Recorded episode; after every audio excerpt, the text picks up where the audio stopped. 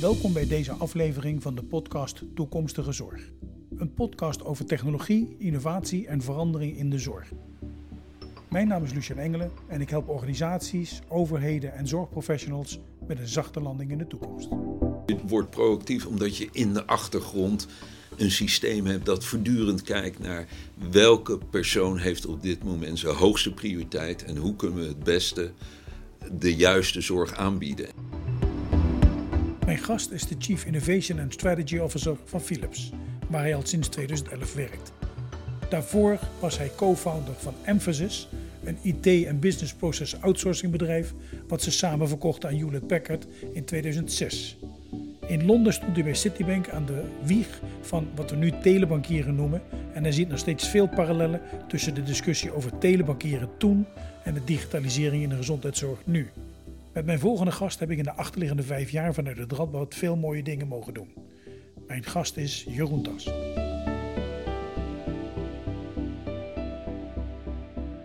Jeroen, ik heb heel erg het gevoel dat de dingen die jij doet met erg veel lijken op datgene wat bij Tesla gebeurt.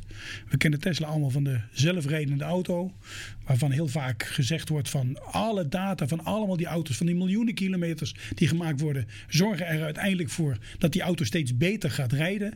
En voor mijn gevoel ben jij, en we kennen elkaar al een groot aantal jaren, degene die datzelfde doen is, maar dan in de zorg. Als het gaat over data en het leren daarvan, kun je ons daar een klein beetje in meenemen in wat zeg maar op dit moment de state of the art is en ook datgene wat jij met jouw organisatie gaat proberen te bereiken daarin? Ja, uh, dat is inderdaad een goede vergelijking. Uh, zoals uh, wellicht bekend hebben wij behoorlijk sterk ingezet op uh, het gebruik van kunstmatige intelligentie in onze oplossingen. En het idee daar is dat je eigenlijk van iedere diagnose, iedere therapietoepassing, um, iedere patiënt kan leren. En dat dat leren betekent dat je voortdurend informatie verzamelt over uh, wat, wat, die, wat is de diagnose hier, uh, wat is de therapie die we kiezen, hoe zorgt de patiënt dat zich aan die therapie houdt, wat is de uitkomst daarvan. En hoe kunnen we die informatie weer gebruiken om van ieder moment te leren? Dus je gaat de kennis opstapelen en voortdurend interpreteren. En misschien een goed voorbeeld is wat wij met, uh, met onze catheter labs doen. Dus bijvoorbeeld, als je nu kijkt, uh, doen we zeven, misschien zeven procedures per dag in zo'n lab. En dat betekent dat je. Uh, dottert mm -hmm. of hartklep repareert of medicatie toebrengt. En uh, van iedere procedure kan je eigenlijk leren. Je weet welke patiënt erin komt, je weet wat zijn probleem is. Je kan letterlijk volgen hoe de catheter ja. het lichaam ingaat. Je kan de uitkomst meten, je kan die patiënt bijhouden als hij terug naar huis gaat. En dat betekent dus dat in principe die kennis uh, van de beste uh, artsen, uh, de patiënten opgestapeld wordt. Opgestapeld omdat je zegt, je leert gewoon vanuit, je leert van de klinieken in Nederland, je leert van de klinieken in het buitenland en die kennis die komt uiteindelijk bij jullie ook weer bij elkaar. Die komt weer bij elkaar en die wordt dan weer toegepast in uh, het begeleiden van de procedure of het begeleiden van de patiënt of het interpreteren van de diagnose. En wat natuurlijk interessant is, dat ze bijvoorbeeld in China dit op hele grote schaal toepassen zijn. Want die zien natuurlijk ook dat als zij het westerse model toepassen op de zorg, ze een enorme tekort hebben aan specialisten. Dus als je alleen al kijkt zeg maar, aan het tekort van pathologen, uh, dan praten we over tienduizenden artsen die tekort komen. En daar zetten ze dan kunstmatige intelligentie voor in, zeg je? Ja, dus wat, waar, waar ze naar aan het kijken zijn van nou, we moeten in principe uh, in ieder stadje in China um, een tissue kunnen bestuderen. Dus dat betekent dat, dat we digitale pathologie gebruiken om uh, tissue te digitaliseren. En, en digitale pathologie is dan in vergelijking met normale pathologie, dan moet je een stukje weefsel echt weghalen, uit het lichaam nemen. En wat jij Onder zegt, de dat microscoop kunnen... leggen Precies, ja. ter plekke. Ja. Dus je moet de patholoog ter plekke hebben. Nu zeggen nou, je neemt dat stuk weefsel, je stopt het in de machine. De machine digitaliseert het. En we passen nu kunstmatige intelligentie toe die dat weefsel gaat interpreteren. Dus die gaat kijken naar de indicatoren van, van ziekte. En het systeem gaat dan bepalen van, nou, misschien moet die patholoog, die misschien zeg maar in een andere grote stad zit, die moet daar naar kijken. En die interpreteert dat, maar die interpreteert wat de kunstmatige intelligentie al heeft voorgeschoteld. Dus die kan zeggen, nou het klopt, of misschien moet je daar naar kijken. Dus je krijgt ook voortdurend het systeem wordt gewoon steeds beter. Het systeem, met iedere diagnose wordt het systeem een beetje beter. Ja, en het wordt dus eigenlijk beter gemaakt door die patholoog zelf. Die zegt, dit is er aan de hand. Of ik zeg je ja, of ik zeg je nee tegen. Of ik twijfel misschien. En op basis daarvan leert het systeem... Het wordt dus een zelflerend systeem. Het wordt een zelflerend systeem. Dus het is bij die Tesla hele, dus, Ja, het kan straks op hele grote schaal leren. Als... als zeg maar iedere patholoog dit systeem gebruikt, of iedere radioloog gebruikt ons systeem, ja. dan betekent dat iedere radioloog of patholoog bijdraagt tot, het, eh, tot de verworven kennis. En eigenlijk die kennis beschikbaar komt aan iedereen die in dat systeem zit. Want daarmee maak je de patholoog niet overbodig, maar je biedt de patholoog dus een beslisondersteunend systeem. Ja, dat is wat er dus eigenlijk gebeurt. Ik hoor heel vaak zeggen van de radioloog en de patholoog, beroep bestaat straks niet meer. En ik hoor jou zeggen dat is totaal niet in orde. Nee, dat, dat klopt. Eh, dat, dat, dat zien wij helemaal niet. Maar zoals iemand zei van... Het is niet zo dat kunstmatige radioloog, uh, radioloog overbodig maakt het maakt radiologen die kunstmatige intelligentie niet gebruiken overbodig. Dus met andere woorden, uh, iedereen gaat die middelen straks gebruiken om een veel betere diagnose Wordt het nieuwe normaal dadelijk. Om de diagnose ook toe te kennen aan degene die het beste in staat is om dat oordeel te vellen. Want je kan zeggen van nou, ik heb een klein ziekenhuis en ik heb twee pathologen of één patholoog. Die kunnen natuurlijk onmogelijk de complexiteit van alle type weefsels uh, ondersteunen. Het is natuurlijk heel moeilijk om te vragen van jij moet ieder type kanker kunnen zien en, en kwantificeren. Dus je kan zeggen van nou voor dit type kanker ga ik naar een echte specialist. En die doet alleen die specialistische aspecten. Mm. En wat natuurlijk al lang bekend is in de zorg, is dat kwantiteit vaak uh, de voorbode is van kwaliteit. Ja. Hey, uh, pathologie, snap ik welke andere gebieden speelt ditzelfde een rol? dit geldt in principe voor alles. Dus je kan zeggen nou, we, we kunnen naar beeld uh, kijken, dus pathologie, radiologie. Uh, maar we kunnen het ook in de acute zorg zien. Dus we kunnen zeggen, nou, een, een, patiënt in de intensive care unit, daar kijken we naar zeven uh, vital signs. Mm -hmm. En daar kijken we voortdurend naar dan kan je gaan zeggen: ja, we kunnen inderdaad naar die vital signs gaan kijken, maar we kunnen in context gaan kijken uh, van het verleden van die patiënt. En dan kunnen we gaan kijken naar vergelijkbare situaties. En we kunnen voorspellend vermogen gaan inbouwen. Hm. Dus als je kijkt wat zijn de, eh, de drie belangrijkste doodsoorzaken in een intensive care unit, dat is uh, uh, hartstilstand, cardiac arrest, sepsis en delirium. Hm voor al die drie uh, situaties hebben we inmiddels al voorspellende algoritmes gecreëerd. Dus we kunnen in een ICU zeg maar 48 uur van tevoren de eerste indicatoren zien. En dan heb je dus een window van 48 uur om een interventie te doen. Als dat ook daadwerkelijk gebeurt, dan draagt dat weer bij tot de kennis. Dus hoe meer patiënten we kunnen volgen in zo'n intensive care unit, hoe meer we leren over de combinatie van factoren die een rol speelt, hoe beter het voorspellend vermogen. Hoe beter het voorspellend vermogen, hoe beter we de juiste interventie op de juiste tijd kunnen doen. En dit is dus nu op de intensive care. Hè? Het tweede wat je dan natuurlijk ziet, en dat hebben we ook in het Radboud ook gedaan, dan doe je dat op de gewone afdeling, zeg maar. Dus na de intensive care komen de reguliere afdelingen. Ehm, volgens mij, met ook alle techniek die er nu aankomt, komt er nog een volgende stap achteraan. Dat je dat soort dingen dus dadelijk ook gewoon thuis kunt doen. Nadat ja. iemand dus ontslagen is. En dat is ook een beweging die je ook gewoon voor je ziet. Waar, waar gaat deze ontwikkeling überhaupt gewoon heen dadelijk? Ik bedoel, nou wanneer, wanneer, waar stopt dit? Stopt het überhaupt? Ons doel is uiteindelijk om mensen niet in een intensive care unit te hebben. En eh, inderdaad zoveel mogelijk, mogelijk, thuis. Dus hoe kan je dezelfde medical grade of ja, uh, zeg maar echt uh, klinische waardevolle monitoring thuis doen. Nou, wij, wij, denken dat we daar uh, behoorlijke stappen in maken zijn. Kijk, intensive care unit is natuurlijk een volledig beheerste omgeving met specialisten, met apparaten waar je aan zit. Maar we hebben natuurlijk een heleboel van die algoritmen ontwikkeld.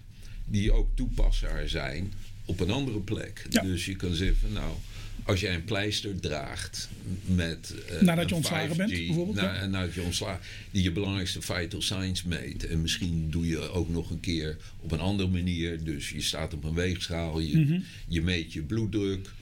En al die informatie stroomt naar een systeem dat zit te kijken van ja, vindt er verslechtering plaats?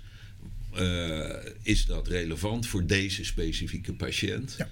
Zo ja, dan creëer, eh, creëer je een, eh, een waarschuwing. Nou, die waarschuwing kan dan geïnterpreteerd worden door iemand die zegt van oh, die patiënt, daar moeten we nu een interventie in doen. Dus misschien moet, Moet- een verpleger. Moet iemand naartoe? Ja. er moet iemand naartoe. Dus wat bijvoorbeeld gaan Sensier en Naast doet, hè, als Ja. voorbeeld. Hè, die dat, Of je kan zelfs zeggen van Monitoren. nou, dit is zo'n snelle verslechtering. Ambulance. Ambulance. ja. Dus, en als je dat op schaal kan doen, dat betekent dus dat je op schaal mensen in de gaten houdt. En voortdurend ervoor zorgt dat je op het juiste moment de juiste zorg gaat leveren. Nou is dat een achterkant. Eh, achterkant als in iemand is in een ziekenhuis behandeld, gaat naar huis toe. Dan kun je dat soort zaken natuurlijk Ja. gewoon gaan monitoren. Laten we eens even naar de voorkant gaan. Ja. We weten met z'n allen dat 50% voorkombaar is. Ja, Nog steeds stoppen we daar veel te weinig geld in, zeg maar.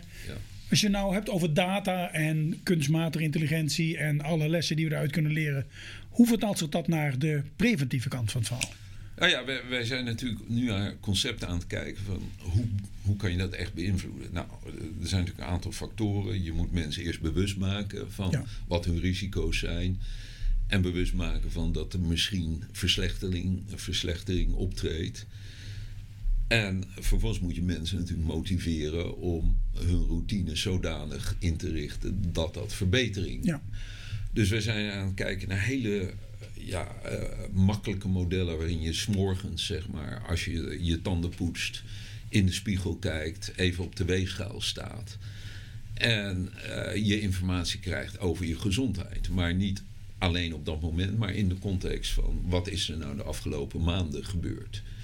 En eh, helpt om je routines daar zodanig aan aan te passen dat je, je weet van nou, vandaag moet ik iets meer bewegen of ik moet toch even opletten met wat ik eet. En eh, ik krijg daar een reminder voor. In, in de context van mijn persoonlijke risico en mijn persoonlijk, zeg maar, eh, ideaal van, van gezondheid. Daar zitten jullie natuurlijk als Philips wel in een ideale positie. Hè? Want jullie hebben natuurlijk ook nog eens een keer de hele consumentenkant van, eh, van het stuk. Hè? Met, eh, met de tandenborstels, hè? Ja. de connected eh, toothbrush en, en alle andere zaken. Dus, dus, dus dat zijn jullie ook aan elkaar aan het koppelen. Nou, begrijp ik dat goed? En, en, Ja. en waar komt dat dan in terecht? Is dat dan, is dat dan een app die gekoppeld is aan mijn tandenborstel? Of, of komt daar iets overheen? Hè? In Nederland hebben we het nu heel erg over het PGO, het, de persoonlijke gezondheidsomgeving.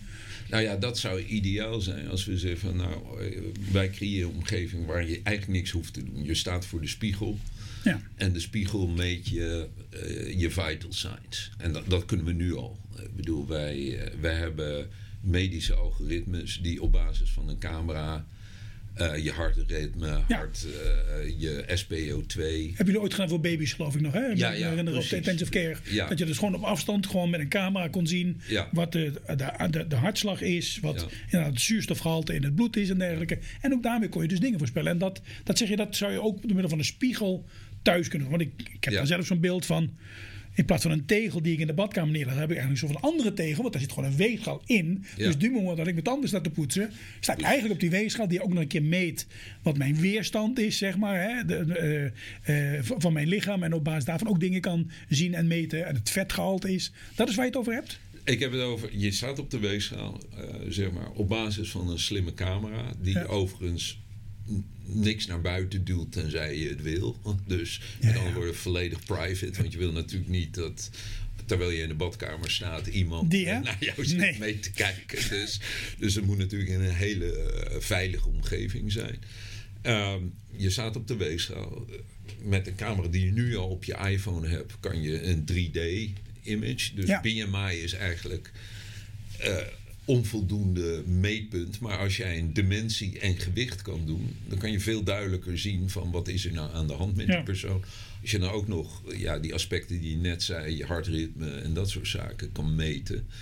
dan, dan heb je in je dagelijkse routine, terwijl je toch voor de spiegel staat, dat is natuurlijk een mooie metafoor is. Van je kijkt naar Ja, jezelf letterlijk. en je ziet informatie over jezelf die re- relevant is voor jou. Dus de digitale tweeling, zeg maar, Ja. wordt nou wel heel letterlijk. En dat zou je dan in staat moeten zijn. En dan hoef je niet al die informatie te hebben. Je moet eigenlijk alleen informatie hebben die leidt tot acties. Dus die jezelf motiveert om bepaalde dingen beter te doen. Ik heb het altijd over een drieluik van data. We hebben de, de, de medische wereld is vooral gebaseerd op historische data. Die opgehaald is in clinical trials en dat soort zaken. Vervolgens zijn we geschoven, denk ik, naar eh, recente data. Ja. Labuitslagen van gisteren. eh, een MRI. Van eergisteren, noem op. En nu komen we in een nieuw tijdperk waar we zeggen real-time data. En eigenlijk als je dus die drie verschillende levels van data gaat combineren voor zo'n spiegel, letterlijk. Hè, die dan gewoon zeggen, ja, maar weet je, het grootste deel van de bevolking die dit gewoon heeft, die loopt een iets hoger risico om X of Y te krijgen. En probeert je daarmee eh, ook een, een andere spiegel voor te houden. Die misschien wel zegt van nou, als je zo doorgaat, vriend. En dan wordt die spiegel in één keer een beeldscherm. Dan laat hij in één keer zien waarbij je gezicht gewoon behoorlijk opzwelt. En je Ja. buik nog een keer twee keer zo dik wordt, bij wijze van spreken. Mijn buik natuurlijk dan. Ehm, eh, en, en dan houdt hij je ook echt een spiegel voor. Dat is waar jij het over hebt. Daar heb ik het over. En, en je, je beschrijft het natuurlijk heel mooi. Dus ga jij door met roken, Ja. dan zie je er over vijf jaar zo uit. Ja, die. Ja. En dat is geen vrolijk Nee. aangezicht. Dus, eh, Nou, nou is veel van de data in Nederland, en het is volgens mij helemaal niks met alleen met Nederland te maken, is allemaal gewoon in aparte silo's gestopt. Ja. De huisarts die heeft een enorme bak data. Ja. Het ziekenhuis die heeft heel veel. De apotheken, noem maar op allemaal. En, en we hebben het nu natuurlijk ook over het PGO, hè, wat nu natuurlijk met allerlei standaardisatie in Nederland Ja. onder, invoering van het, onder aanvoering van het informatieblad begint te ontstaan. Dan, dan is er dadelijk zo'n PGO, zeg maar. Hè. Komt daar nog iets na in jouw optiek? Ik bedoel, jij bent ook iemand die ook heel erg van de vergezichten is. Eh, we hebben nu natuurlijk te maken met de portals van de ziekenhuizen. Dat begint nu op orde te komen. Ja. Daar een volgende stap is. Dus die PGO's die hè, allemaal die portals gaan praten met die persoonlijke gezondheidsomgeving. Die van de patiënt is overigens. Komt er nog iets na? Nou ja, laat ik allereerst zeggen dat ik een groot voorstander ben van de PGO. Ik denk dat dat de, de absoluut de belangrijkste basisstap is. Je moet je wel beseffen dat we het echt over hebben, over een informatieinfrastructuur hebben. Ja. Dus eh, beveiliging, Ja. eh, encryptie, Standaardisatie. controle, standaardisatie. Ja. Dat zijn natuurlijk hele belangrijke aspecten. Dus we moeten wel heel goed over nadenken dat we echt een hele veilige omgeving creëren. En dat je echt het beheer hebt over je eigen data. Maar Kan dat technisch overigens in jouw dat kan technisch. Technisch kan het, Ik, dus- kom- dus- ik kom zelf uit de financiële wereld. En Je, je, hebt, je hebt ooit gewoon telebankieren uitgevonden volgens mij. Precies, twintig jaar geleden, misschien al langer, mid, mid 90 jaar hebben we dat neergezet in, eh, met Citibank. Ja. Ik heb zelf in eh, global payment systemen gewerkt. Ja, ja, dat moet natuurlijk end-to-end Ja. veilig zijn. Dus het kan, Maar technisch kan maar eh, het is niet triviaal, laat ik het zo zeggen. Dus eh, Niet triviaal als in. Dat kost best wel investering en, eh, om dat echt schaalbaar en, en veilig te maken. En is dan het feit dat het er nu nog niet is? Hè, want wij hebben daar samen ook vier, vijf jaar geleden uitvoerig over gehad. En mijn beeld was toen, ik heb dat ook de Here's My Data genoemd. Ja. Maar dat gaan we eigenlijk volgend jaar maken. Hè. Dat was Ja. met z'n allen wel op de bril van vorig jaar is het er.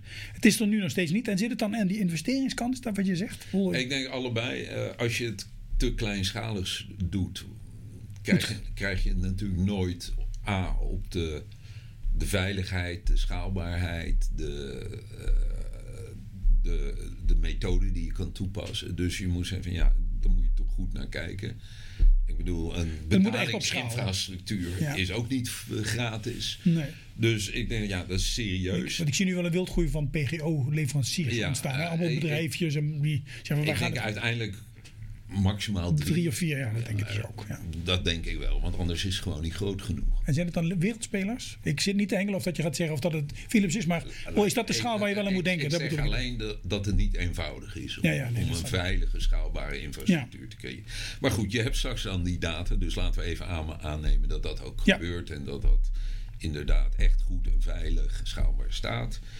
Ja, wat gaan we dan met die data doen? Want ik zit eh, toevallig We hebben nu al overvloed bij het. OLVG heb ik mijn eigen eh, record, zeg Ja. maar. En daar, daar kijk ik dan naar. Ja, dus heel veel data. En ja, eerlijk in- gezegd haal ik daar hebben. zelf niet... Ik ben zelf geen medicus, dus... Dus wat ik het liefst zou hebben, is dat die data voor mij geïnterpreteerd wordt. En zeg maar mijn eigen persoonlijke dashboard geeft. Ja. En niet alleen een dashboard, want een dashboard zegt van nou ja, hier wijk je af of hier heb je een probleem. Ook concreet aangeven, nou misschien zou je dit moeten doen. Of misschien zou je eens met die en die moeten gaan praten. Met andere woorden, ik wil het actionable voor mezelf hebben. En ik wil weten dat de, de informatie die ik daaruit krijg ook echt relevant is voor mij. En nou komen we weer terug wat we eerder zeiden.